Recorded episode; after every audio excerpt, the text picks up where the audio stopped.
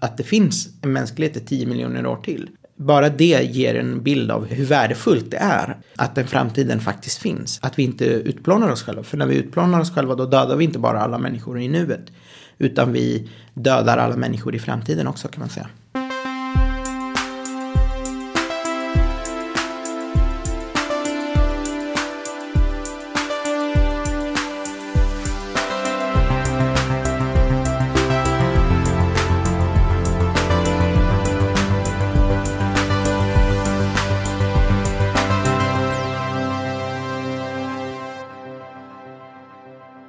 Det här är Heja Framtiden med Christian von Essen och eh, idag är jag på Institutet för framtidsstudier tillsammans med eh, Karim Jebari. Välkommen till Heja Framtiden. Tack så mycket. Ja, filosof och eh, doktor i filosofi. Mm. Till och med. Disputerade på KTH 2014. Mm. Och vad är din roll här på Institutet för framtidsstudier skulle du säga? Jag är forskare eh, och eh, jag har också en del eh, mindre administrativa uppgifter som söka pengar och så. Hjälpa min chef med lite ogrejer. Men, men framförallt så handlar min forskning om att kolla på ehm, konsekvenser av ny teknologi. Och hur ny teknologi påverkar vårt samhälle både på kortare sikt och på längre sikt. Men också eftersom jag är filosof så kollar jag mycket på de etiska aspekterna. Så att det handlar både dels om att försöka få en bild av hur teknologin faktiskt kommer påverka samhället. Men också att föra en diskussion om hur den bör påverka samhället. Eller hur vi bör tänka på den, på dess påverkan på samhället. Just det, och det var det din avhandling Ja, eh, precis. Doktorsavhandling handlade precis. om. Precis. Min, min doktorsavhandling fokuserade väldigt mycket på teknologier som har att göra med eh, det som kallas för human enhancement på engelska. Eh, på svenska kanske man kan kalla det för mänsklig förbättring. Teknologier som, som att man kan skulle kunna förbättra sin empati eller, eller eh, leva längre eller bli smartare och sådana saker. Men här på institutet har jag kanske haft en, en bredare outlook på massa olika teknologier, inklusive AI. Eh, det har ju blivit väldigt stort på sistone. Så att, ja, jag kollar på det ganska mycket nu. Mm, just det. Eh, ska vi säga någonting om eh, Institutet för framtidsstudier? Vi hade ju med Anders Ekholm som en av våra första gäster mm. 2018. Uh, han var vice vd då mm. tror jag. Och nu är han kanske inte någon operativ roll riktigt.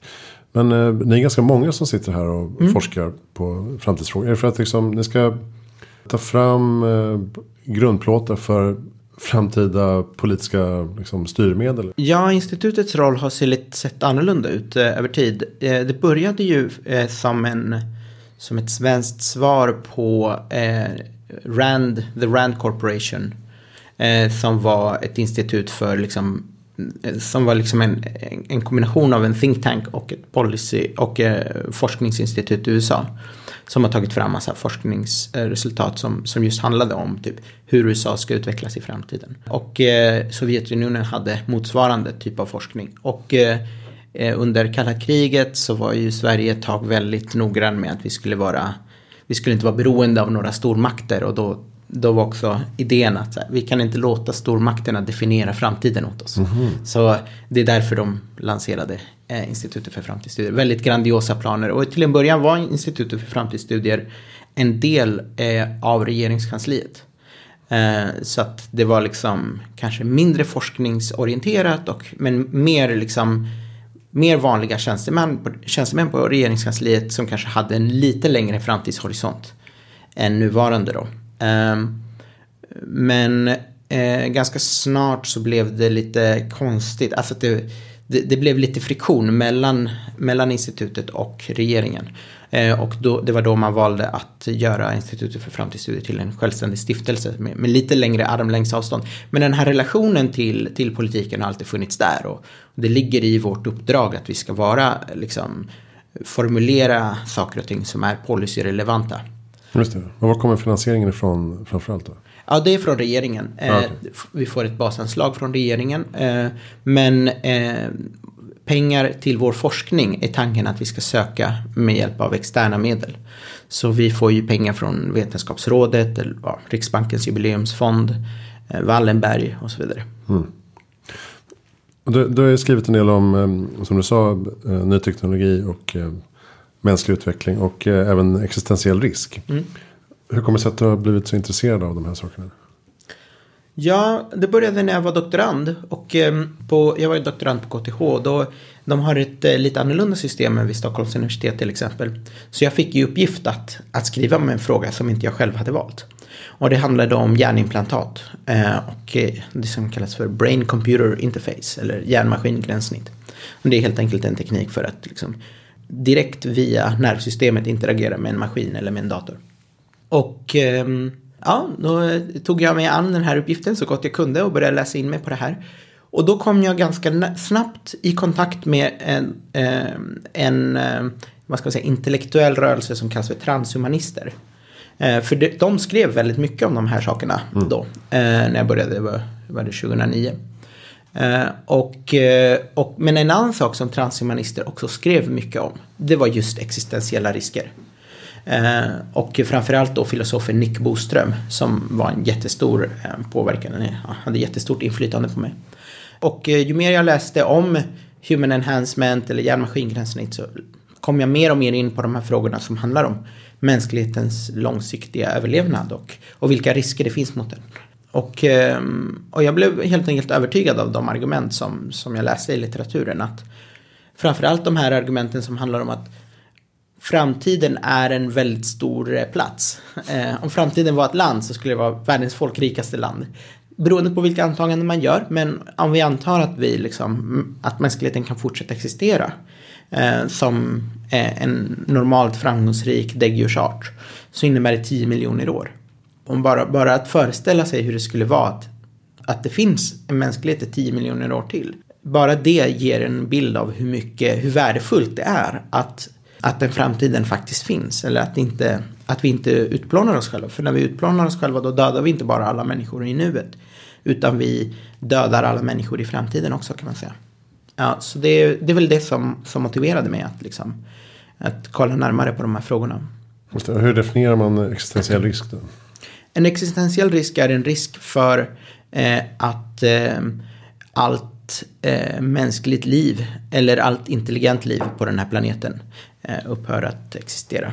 Eller stagnerar på något sätt. Så man kan säga att eh, om, om du läst eh, 1984 eh, så skildrar det ju en värld där mänskligheten har stagnerat i ett väldigt, väldigt dåligt samhälle, ett väldigt dåligt ekvilibrium. Och om man får tro boken så, så fortsätter det här i all evighet. Liksom. Eh, de här staterna som slåss mot varandra och, och den här liksom, repressiva strukturen. Så man kan säga att det där är också en existentiell katastrof. Mm. Eh, därför att det blir på något sätt en, en permanent eh, stympning av mänsklighetens potential. Så det är också en risk som man bör ta på allvar. Att, att vi någon gång i framtiden kan få en global totalitär stat som är helt stagnerad. Så att säga. Mm.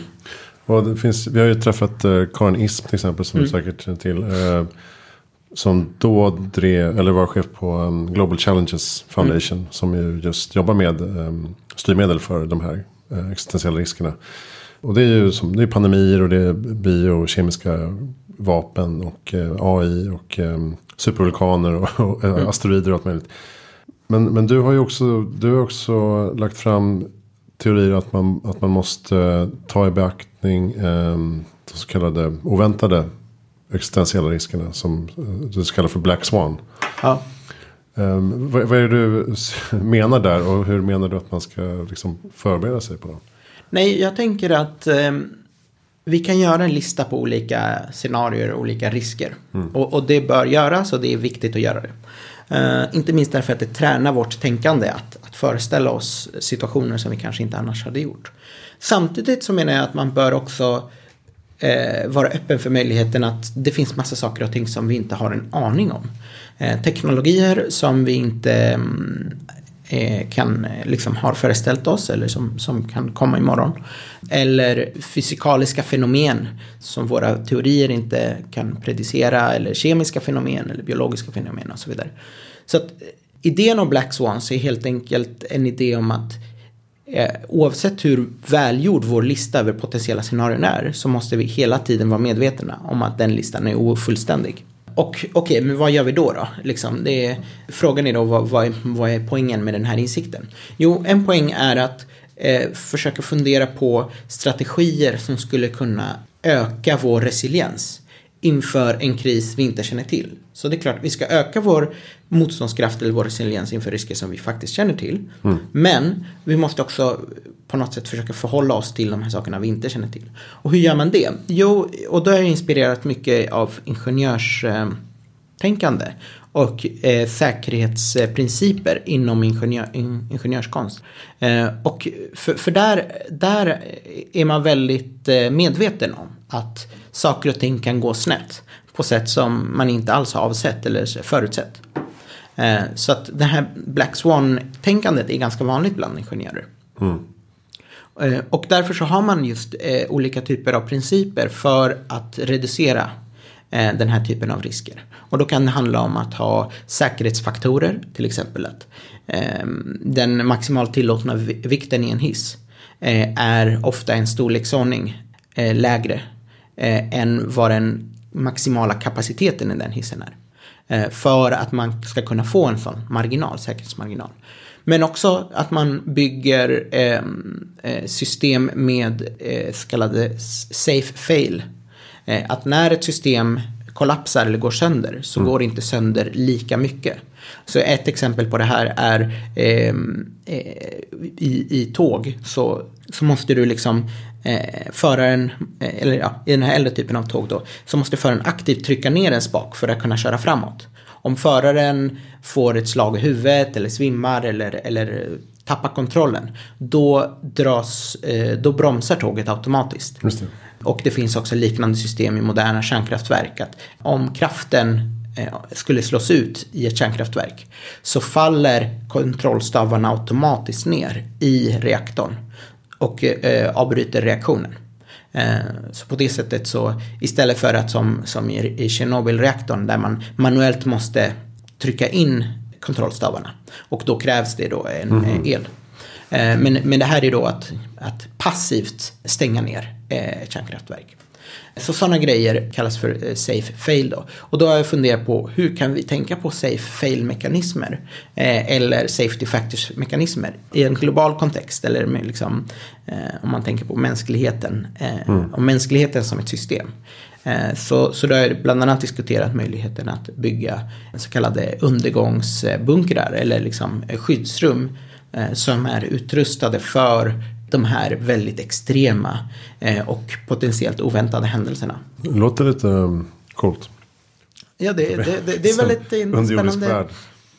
Ja, eller jag menar, det har varit väldigt spännande att jobba med de här sakerna. För det, det blir på något sätt en... Eh, jag gillar den här tvärvetenskapliga aspekten i att forska om existentiella risker. Att man liksom börjar i någon slags teoretisk abstrakt resonemang om, om framtiden och värdet hos framtida liv. Det är mm. mycket forskning som sker just här som handlar om framtida generationer. Och sen kombinera det med de här idéerna från eh, Engineering Safety. Och sen när man liksom väl började skriva den här artikeln, då var jag tvungen att, läsa på massa om bunkrar och, och, vilka risker finns det i skyddsrum och, och hur ska man tänka på de psykologiska aspekterna och sådana saker. Mm.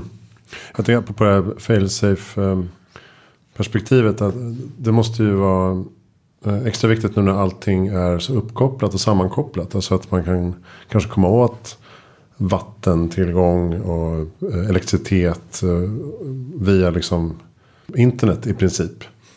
Där känns det som att det finns stor sårbarhet i hur systemen liksom kopplas samman. Nu. Mm, verkligen. Så generellt sett så vill man också, en, ett annat sånt begrepp från ingenjörs, eh, engineering safety, är att man vill undvika det så kallade single points of failure. Mm. Eh, som är, eh, om du tänker dig en, en kedja, man brukar säga att en kedja inte, eh, är inte starkare än dess svagaste länk.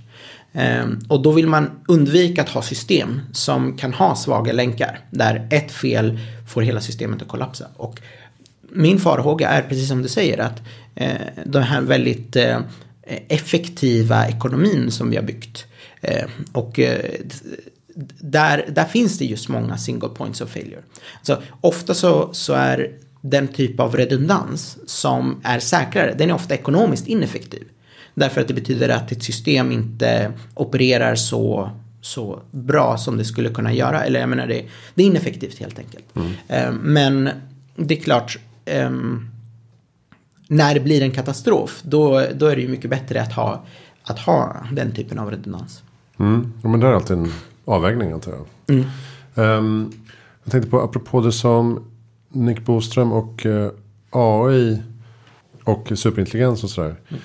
Du har väl egentligen argumenterat för um, det motsatta. Alltså, eller inte det motsatta, men att, att uh, vi kanske inte går mot en superintelligens uh, som sköter sig självt. Alltså du, du um, motargumenterar Nick Boström mm. lite grann. Ja, alltså jag tycker att Nick Boström är, ja, det är en av mina största inspirationskällor som, som filosof. Och jag tycker att hans bok Superintelligence är helt fantastisk. Framförallt därför att den är så otroligt rik på idéer. Och, så, och det är ett helt nytt område. Och som han själv skriver i förordet så, så är han ju medveten om att när man skriver en bok som är full av ny, helt nya idéer eh, och det är ett helt nytt område så kommer den innehålla en massa fel.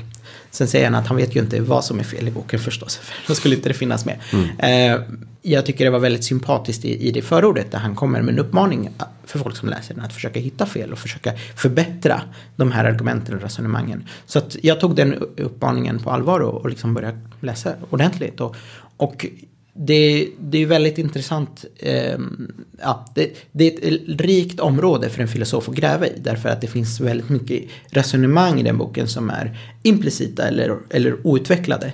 Och som man kan, eh, där man kan bidra till det här projektet. Så jag tycker inte att man, eh, jag håller med Nick Boström i sin liksom, eh, huvudtes. Att att det här med superintelligens är en viktig fråga att forska på. Eh, att vi inte ska avfärda den helt och hållet och att, eh, men också att den är filosofiskt intressant. Så, så alla de sakerna håller jag med om. Eh, däremot så håller jag inte med om många av de argument på vägen dit. Så ett sånt argument som, som Nick Boström presenterar det är att artificiell intelligens när, när den väl kan börja förbättra sig själv så kommer den väldigt, väldigt snabbt bli superintelligent. Det här kallas ibland för liksom rapid take-off eller FOOM i, i den här nördiga mm. eh, forumkulturen så kallas det för FOOM. Eh, för det, liksom, det säger bara FOOM när det liksom exploderar. Jaha, det var inte något mer intrikat? Nej, nej, det var inte det. Eh, så, så idén är att om du har ett system som kan förbättra sig själv, då kan den förbättra sig själv väldigt snabbt eftersom det är en dator. Och ju, snabb, ju mer bättre den blir, desto snabbare blir den på att förbättra sig själv. Så då är, då är tanken att du kan gå från ett system som är typ eh, lite smartare än människa till någonting som är superintelligent. Mm. På kanske några dagar eller några timmar.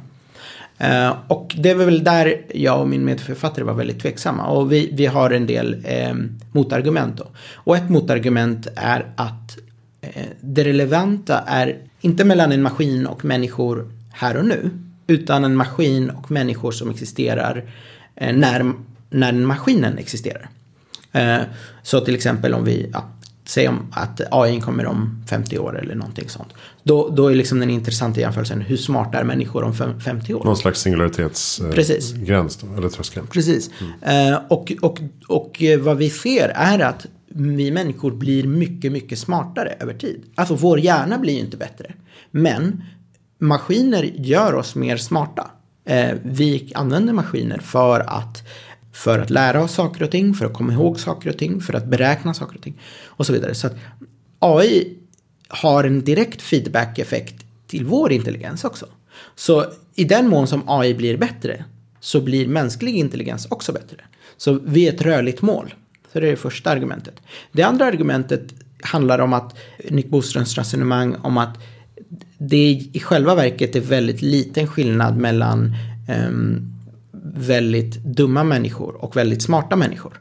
Argumentet är så här. Normalt sett så anser vi att det är jättestor skillnad mellan typ oss själva och någon som är väldigt dum. Eller eh, Einstein och någon som är väldigt dum. Vi känner att det här är superstor skillnad. Men eh, enligt Nick Boström då, så eh, det här bygger på att vi har en väldigt antropocentrisk bild av verkligheten. Om vi zoomar ut lite grann så inser vi att även de eh, väldigt korkade människorna är mycket smartare än till exempel kräftor.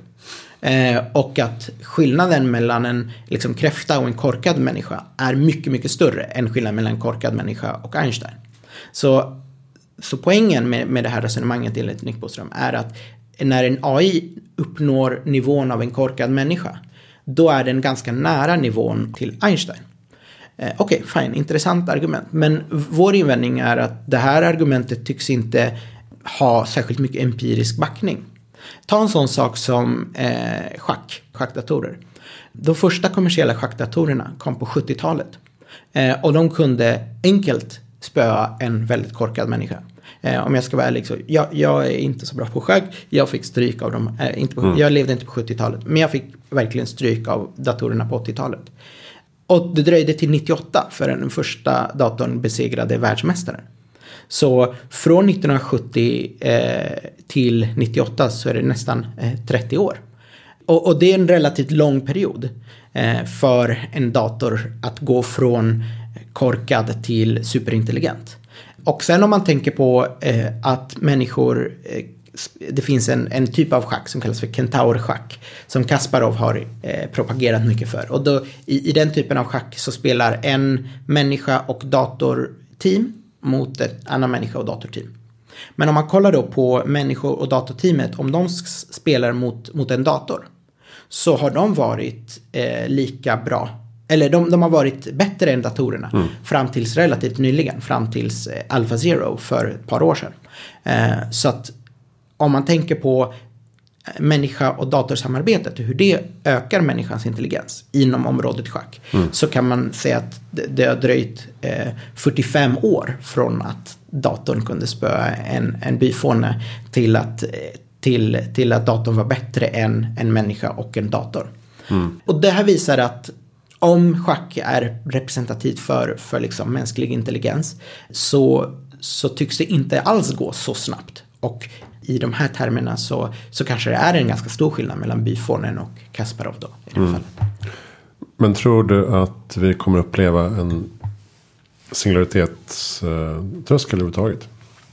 Alltså jag tror att det, det är klart att det är möjligt. Hur mäter man det? Jag, jag, tror att det är möjligt. Jag tror inte, men jag tror att om liksom, vi har väldigt lite empirisk evidens. Eh, och eh, i, i schack ser det ut på det sättet. Gå eh, har en, en annan kurva. Det var mycket senare som Gå överhuvudtaget kunde spöa byfånen.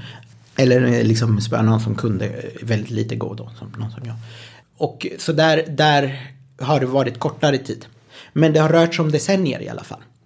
Så att, så att jag tror att det är klart att det är möjligt med en singularitet och så vidare, men jag tror inte att det är någonting som, eller argumentet i, i det här pappret är att det kommer inte gå på dagar eller timmar, utan det kommer åtminstone ta decennier.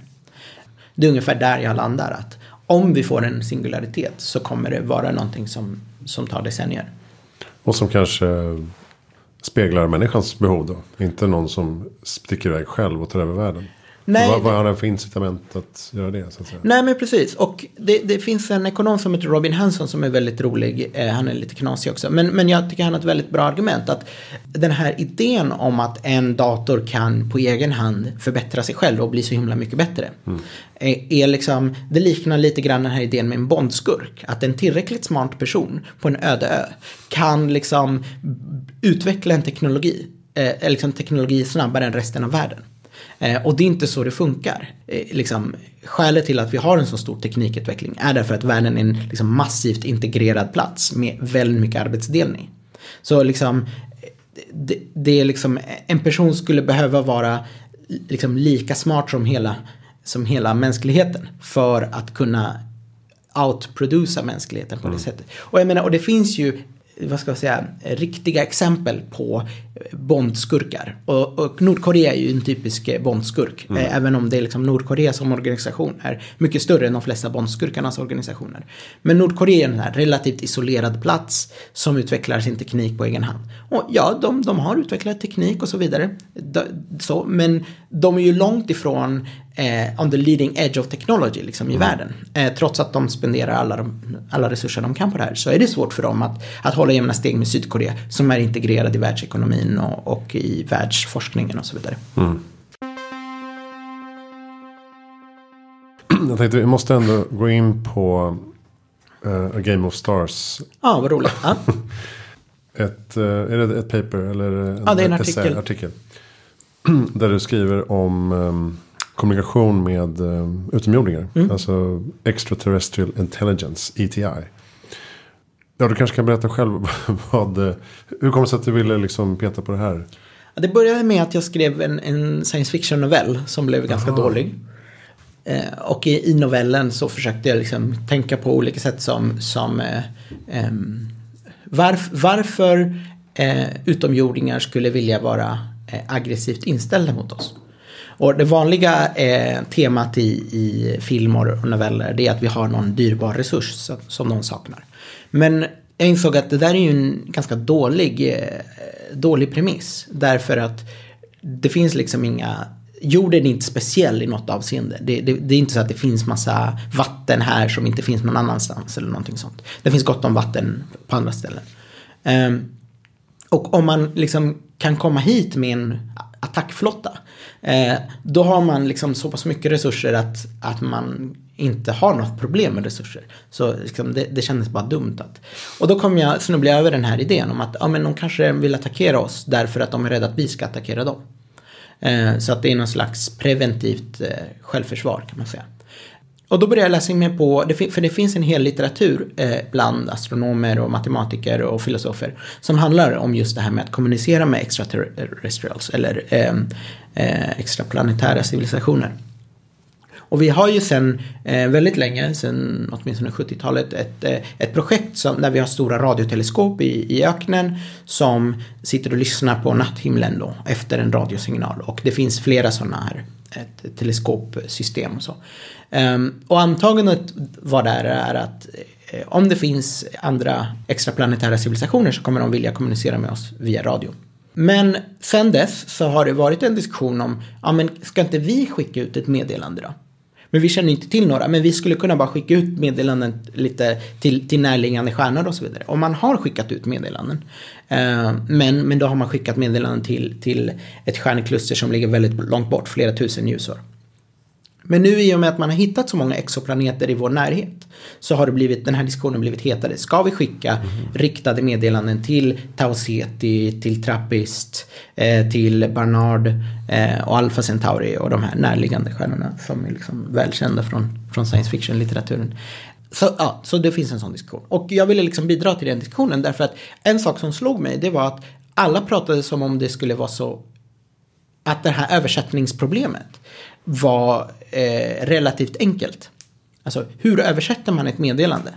Mm. Och det som var intressant är att inom eh, filosofi, modern språkfilosofi, så har man diskuterat ganska mycket det här med hur funkar det egentligen med översättningar? Hur funkar språket? Och en idé som jag tror är ja, men, så, så nära allmänt vedertagen bland språkfilosofer som man kan komma är att språk och mening i talakter eller så finns inte i ljuden vi gör. Eh, så när jag säger hej så, så finns inte meningen i ljudet jag gör. Utan meningen hos eh, mitt ord eh, ligger i, i din hjärna. Du har lärt dig att associera vissa typer av ljud med vissa typer av beteenden och vissa typer av responser. Så, så idén är att språk är ingenting vi, eh, så att säga, vi absorberar inte meningen hos begreppen, utan vi lär oss meningen genom att lära oss vilket beteende det, eh, mening ja, kontext, är. Ja, precis. Och det innebär att om du skickar ett meddelande, ettor och nollor, utan sammanhang och utan att vi kan interagera med varandra, eller för, ja, om, om det är Alfa Centauri då tar det fyra, fyra år för mitt meddelande att komma till dig och sen när du svarar tar det fyra år, så är det åtta år. Och, och Alfa Centauri är den närmsta stjärnan. Eh, efter, ganska snart så blir det väldigt långa tider. Mm. Så det blir ingen meningsfull interaktion. Och då är frågan, hur kan man egentligen översätta ett sånt meddelande när du inte har ett sammanhang och du har ingen interaktion? Och enligt liksom de här idéerna i språkfilosofi så går det inte. Det är liksom helt enkelt omöjligt att översätta ett meddelande. Just därför att mening är eh, så sammankopplat med beteende. Och det här var en idé som jag, liksom efter att ha läst in mig på, på litteraturen i, inom astronomi, så fanns inte den här, de här idéerna diskuterades inte överhuvudtaget. Så då tänkte jag att jag ville bidra med det. Eh, eh den insikten att så här, det kanske, skälet till att vi inte har fått några radiosignaler är därför att rymdvarelserna förstår att vi inte skulle förstå vad de sa. Och problemet då blir då, vad händer om vi skickar ett radiomeddelande till någon rymdvarelse eh, som bor på Alpha Centauri sig. Eh, och de förstår inte meddelandet.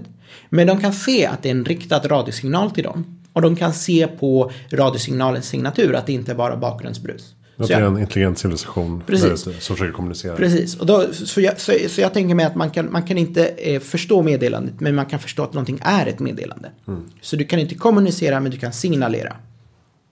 Och sen kan de lista ut vad vi är utifrån meddelandet, hur det kommer. Mm. Och, och de kan förmodligen lista ut att vi har åtminstone no, någon form av teknologi för att skicka ut radiomeddelanden. Okej, så vad händer när två parter som potentiellt sett kan skada varandra hamnar eh, i en situation där de inte kan kommunicera med varandra? Och då var det väldigt intressant för då hittade jag en spelteoretiker som heter Thomas Schelling som vann eh, Nobelpriset till, eller ekonomipriset till Nobels minne. Eh, som formulerade ett, ett teorem eller en, en, en, teori som, som kallas för Schellings trap. Som handlar om att du, om du har två parter som kan potentiellt skada varandra men de kan inte kommunicera med, med varandra så kommer de att dras in i en eh, självförstärkande spiral av misstänksamhet och rädsla som leder till ett utfall där de ömsesidigt försöker attackera varandra. En slags eh, preemptiv eh, Precis. Liksom, så, precis så, så, att den som attackerar först vinner. Eh, eller har stor fördel av att göra det. Och då vill, då vill jag attackera först därför att jag är rädd att du tänker att jag ska attackera först och kommer att attackera först av det skälet. Och sen tänker jag att du vet att jag tänker att, jag, att du tänker att jag tänker att du tänker att jag ska attackera först och så vidare. Och du tänker likadant. Så det betyder att ja. Så, så min rekommendation i den artikeln var att, eh, att vi inte ska skicka ut några meddelanden till, till eh, random planeter. Eh, men också att om någon av oss skulle upptäcka en extra eh, planetär civilisation hobbyteleskoper eller vad som helst. Så ska vi inte berätta det här för någon. För grejen är den att när man väl har hittat en sån här planet så är det relativt lätt att skicka ett meddelande till dem. Eller jag menar, jag kan ju inte göra det, men det, det behövs ingen superavancerad radiosändare mm. för att skicka en, en uh, riktad uh, radiomeddelande till, till de här stjärnorna. Alltså, ja. du, du, skulle behöva vara ett, ett, ett, mindre land kan göra det här, så att säga. Mm. Uh, men det skulle innebära att att väldigt många skulle ha möjligheten att göra det här. Till exempel Nordkorea. Eh, och då finns det en väldigt stor risk att det här skulle ske. Så att eh, det blir väldigt konstig stämning då när alla är uppspelta över att vi har hittat den här planeten. Och, eh, och du säger nej, vi ska sitta lugnt i båten. Precis. Gör ingenting. Precis. Eh, eller jag menar, observera på avstånd. Precis, observera på avstånd. Eventuellt börja bygga eh, den här Mars-koloniserings-arken. Ja, liksom. Men The Hobbesian Trap? The Hobbesian Trap är ju en, en tidigare version av Schellings Jaha, det är så. Okej. Okay. Ja. Just det. Och, och, och, det är, som modernt exempel kan man säga Trump och Nordkorea. Eh, twittrandet som en precis, sorts... Eh, precis. Eller kapprustningen mellan Sovjetunionen och USA. Ja, kalla kriget. Eh, kalla kriget där man liksom... Eh, tanken var vi måste ha mer missiler än vad de har. Eh, och så tänkte Sovjetunionen samma sak. Och så sa för att eh, om vi inte har mer missiler så kommer de vilja attackera oss och så vidare. Så, så mm. blev det liksom en ond spiral. Och det är också precis som Källing förutspårat. Att eh, sättet man bröt de här eh, negativa spiralerna. Det var att inleda kommunikation med varandra. För jag menar, vi vet de facto att människor kan samarbeta. Och, och hur man etablerar samarbetet, det är genom att etablera tillit.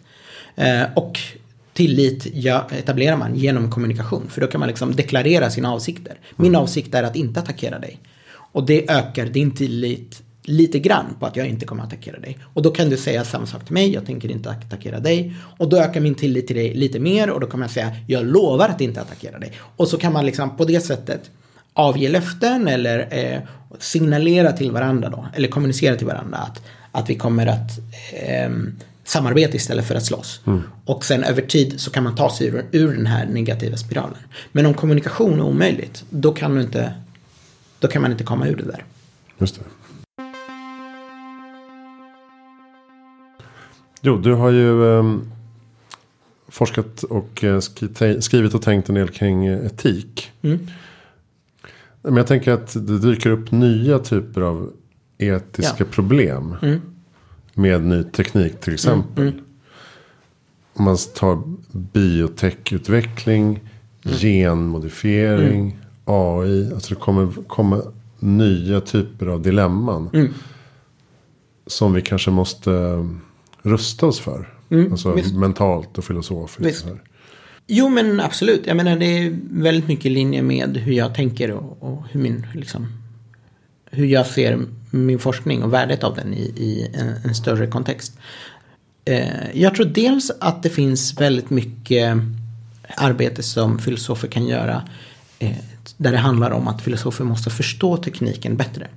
Jag upplever att väldigt mycket etiska resonemang och filosoferande har varit väldigt mycket i, ett, i en egen värld. Att, att filosofer är kanske dåliga på att förstå AI. Det blir lite vakuum. Ja, men precis. Och, och för, dåliga på att förstå bioteknologi. Och då, är man, då liksom hamnar man där ute och, och filosoferar om saker och ting som är kanske helt o, orimliga. Alltså typ, till exempel i diskussionen om huruvida vi ska bota åldrandet eller vi ska eh, hur, de etiska aspekterna av att eh, ha en medicin som, som eh, bromsar upp åldrandet.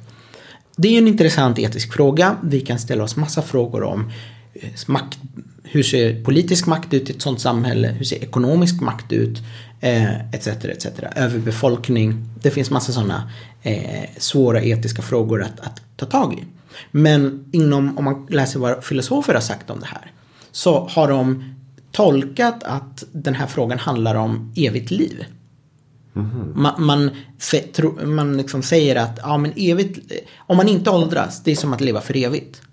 Men om man tänker efter bara i tre sekunder så inser man att det stämmer ju inte. För om du blir överkörd av en lastbil så kommer du ändå dö. Och då kommer du inte leva för evigt. Och man kan tänka att om olycksrisken är en viss procent per år eller en viss tusendel per år så kommer du statistiskt sett att dö om tusen år eller hundratusen år eller vad du nu vill. Ehm, Även om du inte åldras. Ehm, Så att det, det är liksom odödlighet är, in, finns inte på kartan och det är helt det är inte, det är inte roligt, eller det är inte meningsfullt att prata om det. Eh, men många filosofer gillar att prata om det ändå därför att det finns en ganska gammal litteratur om odödlighet som handlar om, men som liksom, utgår från liksom teologisk, en teologisk kontext där, som handlar om så här, hur bra skulle det vara att leva i paradiset och leva för evigt? Så vad är värdet av ett oändligt liv på det sättet? Och då blir filosofer väldigt taggade för att då känner de att de kan tillämpa den här ganska så här gammalmodiga, föråldrade diskussionen om evigt liv på samtida bioteknologi. Eh, Men det blir förstås helt knasigt liksom därför att det är ingen som tror att man kommer leva för evigt. Eh, Så, så på det sättet så känner jag att filosofer eh, kan göra ett stort bidrag här. För som du sa, det finns väldigt många etiska frågor. Eh, Men att filosofer måste göra det utifrån en rimlig förståelse av tekniken och inte utifrån sin liksom, upphöjda position som filosofer. Eller, jag menar, eller, och så. Ja, men man kan också se en tendens att filosofin flyttar in i näringslivet. Och, jag menar, du har även, och även kulturlivet. Du har ju Mm. varit eh, på Operan till exempel. Eh, Är, är du fortfarande knuten till? Eh, ja, det är jag. Fast jag, ja, jag går dit på lite olika uppdrag ibland. Mm. Så det är inte så regelbundet. Men att, att bidra till en filosofisk liksom, eh, vinkel på eh, Ja. operauppsättningars eh, eh, Ja. Mm. liksom, innehåll för unga på Operan. Visst var det så? Visst, precis. Det var liksom, vad kallas det för? Husfilosof. Ja, precis. Ja, det var en rolig fras. Eh, ja, nej men precis. Eh, och vi ser eh, filosofer i, i, inom näringslivet på olika sätt. Jag upplever dock att, jag vet inte riktigt, jag har inte varit jätteimponerad av filo, liksom de här näringslivsfilosoferna. Jag upplever att de, att de ofta egentligen bara klär in det här företagets egen agenda i, i liksom fina intellektuella fraser. Och jag menar, och det är egentligen ingenting nytt. Filosofer har eh, i, i alla tider varit ehm, väldigt bra på att jobba för makten. För kejsare och kungar och liksom rationalisera Ehm, eh, varför, varför det är väldigt bra med kungar eller varför det är bra med eh, enväldig makt och så vidare. Eh, så det är kanske inte, en jätte, inte jätteförvånande att eh, många näringslivsfilosofer eh, finns där ute och, och för de här resonemangen. Ehm, så, men, men jag tror att i, i, i bästa fall så tror jag att, att eh, filosofin kan bidra med ett eh, tänkande som handlar om att kolla på saker och ting eh, ur, ur helt nya vinklar och, och ehm, ja, sätta saker och ting i ett sammanhang som, som, eh, som är okonventionellt. Mm. Och, och, det tror jag behövs eh, liksom, ja, både i näringslivet och i politiken. Utmana det rådande ja. liksom, paradigmet. Precis. Och, och analysera hur ett argument, vad, vad är det för dolda antaganden man gör i ett argument? Det, det, är, ju, det är ju det som vi är bäst på egentligen. Att här, analysera argument och säga hur är det vi resonerar här? Mm. Men vi har ju inte, även jag då som, som försöker ha koll på tekniken. Så jag har ju ingen expertkunskap i tekniken. Och det tror jag är jätteviktigt för oss filosofer att så här, både vara mer kunniga i någonting och samtidigt också vara medvetna att vi inte är experter mm. i annat än just filosofi. Du är till exempel, apropå livsförlängning då, äh, åldrande. Du har argumenterat för att stoppa åldrandet kanske till och med inte är så etiskt mm. korrekt. Mm. Mm. För att eh, vad ska vi göra med en när alla överlever så att säga. Mm. En åldrande befolkning. Det är ingen som eh, kanske riktigt lyfter den frågan mm. i, i, Silicon Valley. Visst. Och därför, det finns ju den här, det finns ju sån otrolig framtidsoptimism. Och jag tycker det är väl, det är väl trevligt med framtidsoptimism. Men problemet är att när optimismen blir eh, används som en ursäkt att vifta undan massa eh, legitima farhågor och invändningar. Typ, ta en, ta en sån sak som att man säger okej, okay, men eh, okay, nu åldras ingen. För ni har uppfunnit den här fantastiska medicinen. Eh, vad kommer det innebära för förmögenhetskoncentrationer i samhället? Vad kommer det innebära för diktaturer? Eh, vad, eh, vad, kommer det innebära för ehm, att eh, liksom, nuvarande senatorer i USA sitter på sina platser i flera hundra år? Eh, liksom, Dom, hur, domare. Domare etc. Hur löser vi de problemen? Um, och där brukar man ofta så här avfärda de problemen med lite handfin. Jo men det där är bara, det kräver bara institutionell reform. Och då säger jag absolut, men det är inte så bara. Uh, och, och, om du kommer med en liksom, teknisk fix som ska, kommer introducera skitmycket problem. Då vill jag åtminstone se dig lobba för några av de här lösningarna som du säger kommer komma. Eller någonting sånt. Um, och det är det jag känner ofta saknas. Att man, man, från de här eh, Silicon Valley, från teknikoptimister, så, så, så har man, tänker man ofta att det där sociala, det, det löser sig självt. Mm. Uh, men uh, jag menar att det, då har man underskattat de problemen. Mm. Jag läste också att du hade pratat om hållbarhet och klimatfrågan. Och att vi kanske inte ska lägga liksom ansvaret på individen. Att eh, mm. fram mm. lösningar. Mm. Utan att det måste. Det bästa vi kan göra är att påverka politiken. Mm. Eh, som kan få policyförändringar. Liksom. Mm. Och då måste också politiken bli lite mer långsiktig. Mm.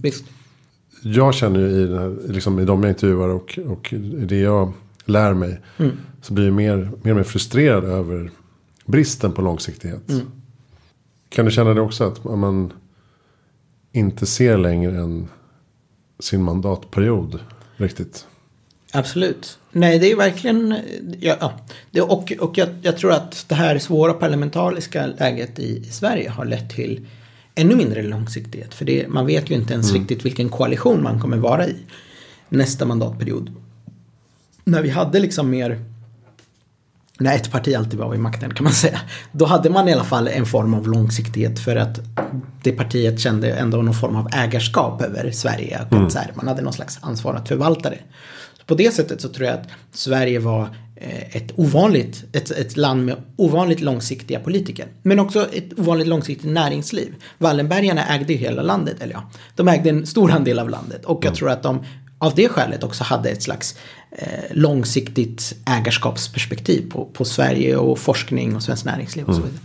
Eh, nu när vi har fått en mer fragmenterad eh, ägarskapsbild men också politisk bild så, så, så, tror jag att det långsiktiga blir lidande. Men låt mig bara säga bara kort vad, hur jag tänker kring det där med individualism mm. och, och individens roll. Så vi kan föreställa oss ett, en typ av miljöproblem där Eh, min individuella handling spelar stor roll. Eh, anta att eh, vi, har, eh, vi är tre grannar och vi bor längs en liten, eh, en liten eh, damm eller en liten insjö. Och vi kan välja att antingen slänga vårt, vårt avfall i den här sjön eller inte. Oavsett vad ni gör så kommer jag göra situationen sämre för mig själv om jag slänger massa skit i sjön. Så i en sån situation så blir det individuella väldigt eh, viktigt. Därför att så här, min individuella handling kan påverka utfallet för alla. Och det är också så att min individuella handling inte påverkar vad ni gör. Alltså, om jag slänger skit i sjön så kan det betyder inte att ni kommer göra slänga mindre skit nödvändigtvis. Det, det, det finns ingen sån relation.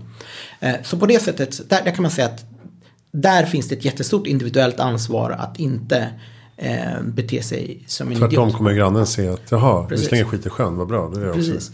Så att, så att det, precis, och det finns till och med sådana mekanismer. Så där finns ett jättestort ansvar. Men när, vi, när det kommer till klimatproblemet så, så finns det dels den här eh, att, att min individuella handling har extremt lite påverkan på, eh, på det totala utfallet. Så det är ett problem, alltså att det finns en sån. Men det större problemet det är att det finns en, en, en eh, koordinationsproblematik. För anta att jag eh, inte flyger till den här konferensen, till en viss konferens. Det betyder ganska, med ganska hög sannolikhet att någon annan kommer ta min plats på det flyget. Flyget går ändå? Liksom. Flyget kommer gå ändå. Eh, anta att tillräckligt många bojkottar den här konferensen så att de ställer in det här flyget. Då kommer någon annan köpa den här bensinen som det här flyget skulle använt. Så att min handling att inte åka till en konferens inte bara har den otroligt lite påverkan på slutresultatet. Det är också så att den gör det mer eh, attraktivt för någon annan att flyga någonstans eller använda den bensinen som annars inte hade använt den bensinen. Och så är det för många av de sakerna och ting eh, som, som vi gör i vår vardag. Så när, om jag eh, inte köper kött så gör jag bara att någon, att köttets pris sänks lite grann. Eh, och det betyder att någon annan som inte hade råd med kött nu har råd med kött och kommer köpa kött. Så, så det finns det helt enkelt en koordinationsproblematik. Och vi Men du pratar om enskilda? Ja, men enskilda personer. Och det är därför vi har uppfunnit en fantastisk eh, typ av organisation som vi kallar för stater. Och staternas eh, poängen med stater är att lösa eh, koordinationsproblem. Bland annat då, det finns massa fördelar med stater. Men en, en sån grej som stater kan göra är att genom att man top-down bestämmer att nu gör vi så här, då kan man koordinera människors beteende så att det får ett riktigt utfall. Eh, och det är därför jag menar att eh, klimatfrågan är en politisk fråga och får inte bli en individuell fråga om ansvar.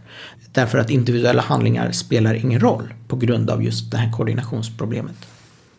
Så vad skulle politiken kunna göra då? Alltså flygskatt, köttskatt, sådana saker. Till exempel. Eller, mm. eller ja, man, man, kan, man kan, ja, det finns massa olika grejer. Man, man kan förbjuda saker och ting eller bygga järnvägar eller beskatta. Men, och inte alla, bra, inte alla saker som politiker kan göra är lika bra förstås. Men den kommer vara förmodligen mycket, mycket mer effektiv än när individer gör saker och ting tillsammans. Jag läste till och med artikeln på er vägg här om eh, barnskam som nu kommer efter flygskatt. Ja. Jag vet inte, nu har jag tre barn så det är mm. lite så obehagligt mm. mm. eh, hela det resonemanget tycker mm. jag.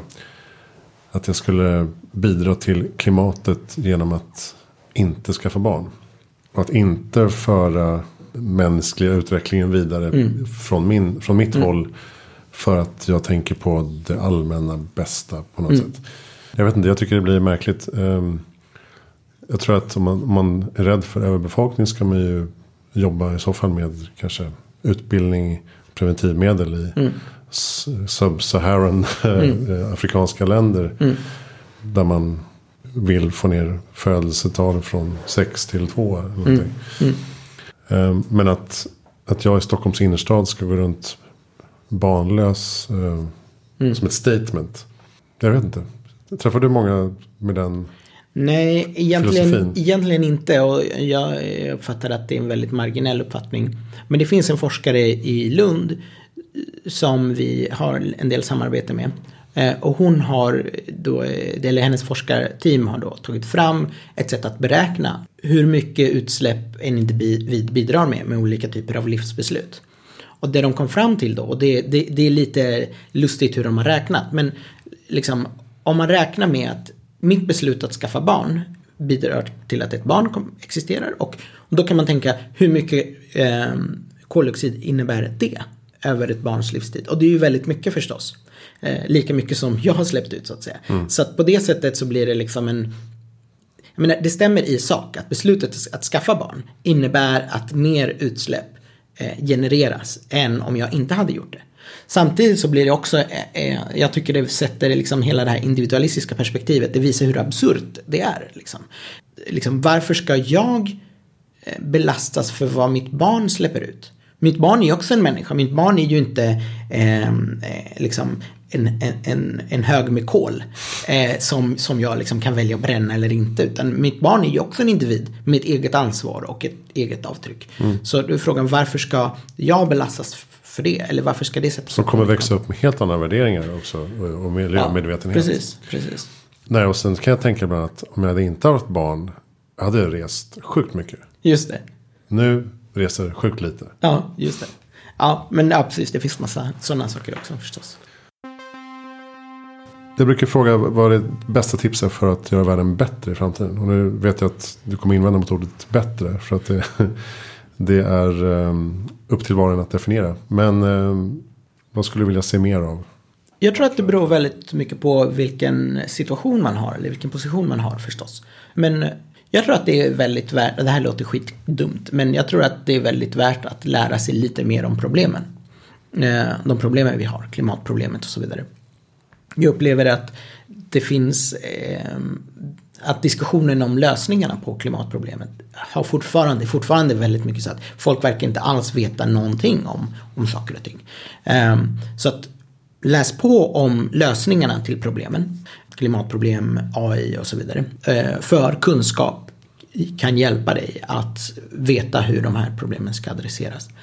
Så att det är väl en grej. En annan grej tror jag är att um, tänka kanske mindre på vad du själv kan göra. Och mer på vad du vill ska inträffa i världen.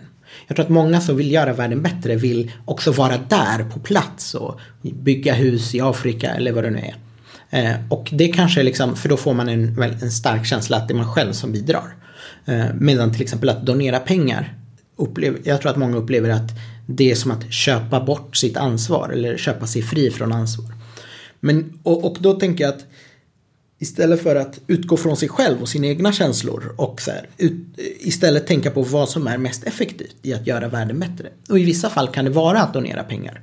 Alltså det är inte så att man har brist på eh, byggnadsarbetare i Nigeria. Det finns skitmycket folk som kan lägga tegel. Eh, du behöver inte åka ner till Nigeria och hjälpa dem att bygga skolor, de klarar det själva. Däremot så har de ont om pengar, så det är därför de inte bygger eh, så pass många skolor. Eh, ja, det finns en massa problem, men mm. det är inte självklart att din arbetskraft är det som eh, behövs mest i, i, i de här situationerna. Ja, just det. Så en effektiv altruist.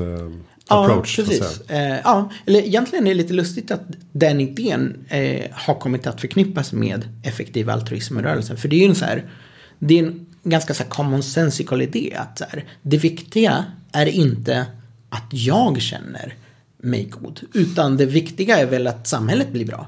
Eh, och, då, och det är där, ja, så till exempel istället för att jag ska bygga solceller på mitt tak eh, som får mig att känna mig god och kan signalera att jag är god så kanske jag ska bidra till att plantera skog i, i Kongo eller någonting sånt.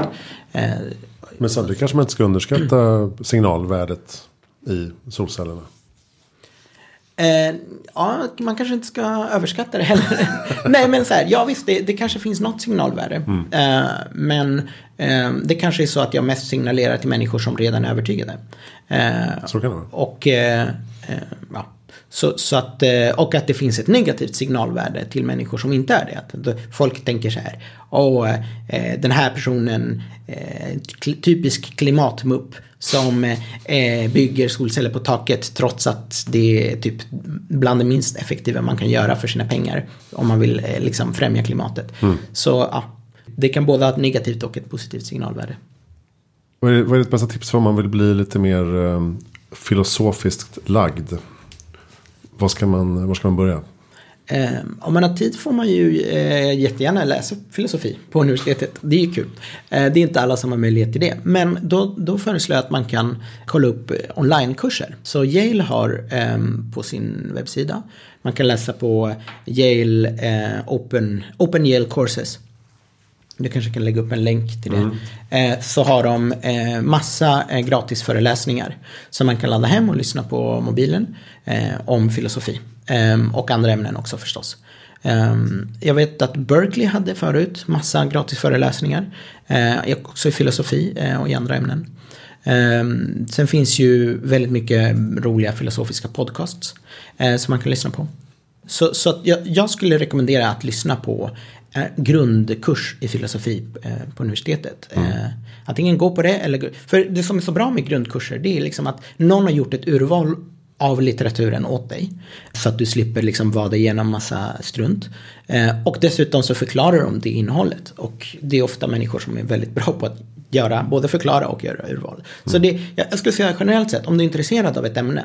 Det bästa du kan göra är att eh, se om du kan hitta en grundkurs i det ämnet online. Eller läsa introduktionsboken.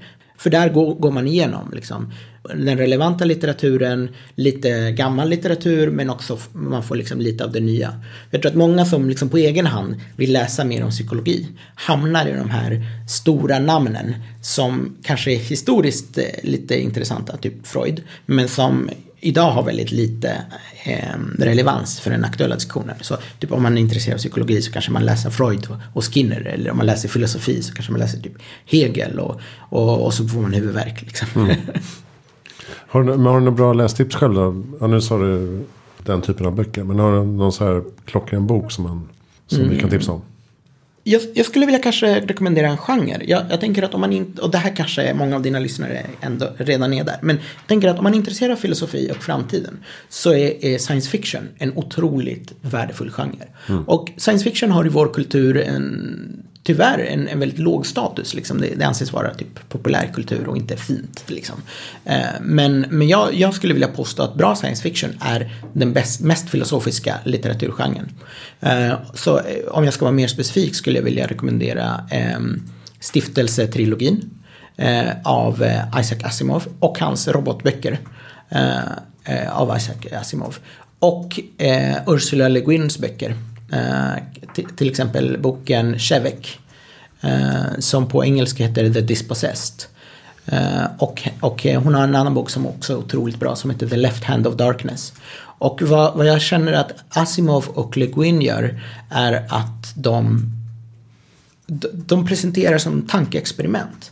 Där man liksom beskriver ett scenario men drar de logiska konsekvenserna till sin extrem. Mm. Och utforskar, ja men vad skulle hända i ett sånt här scenario?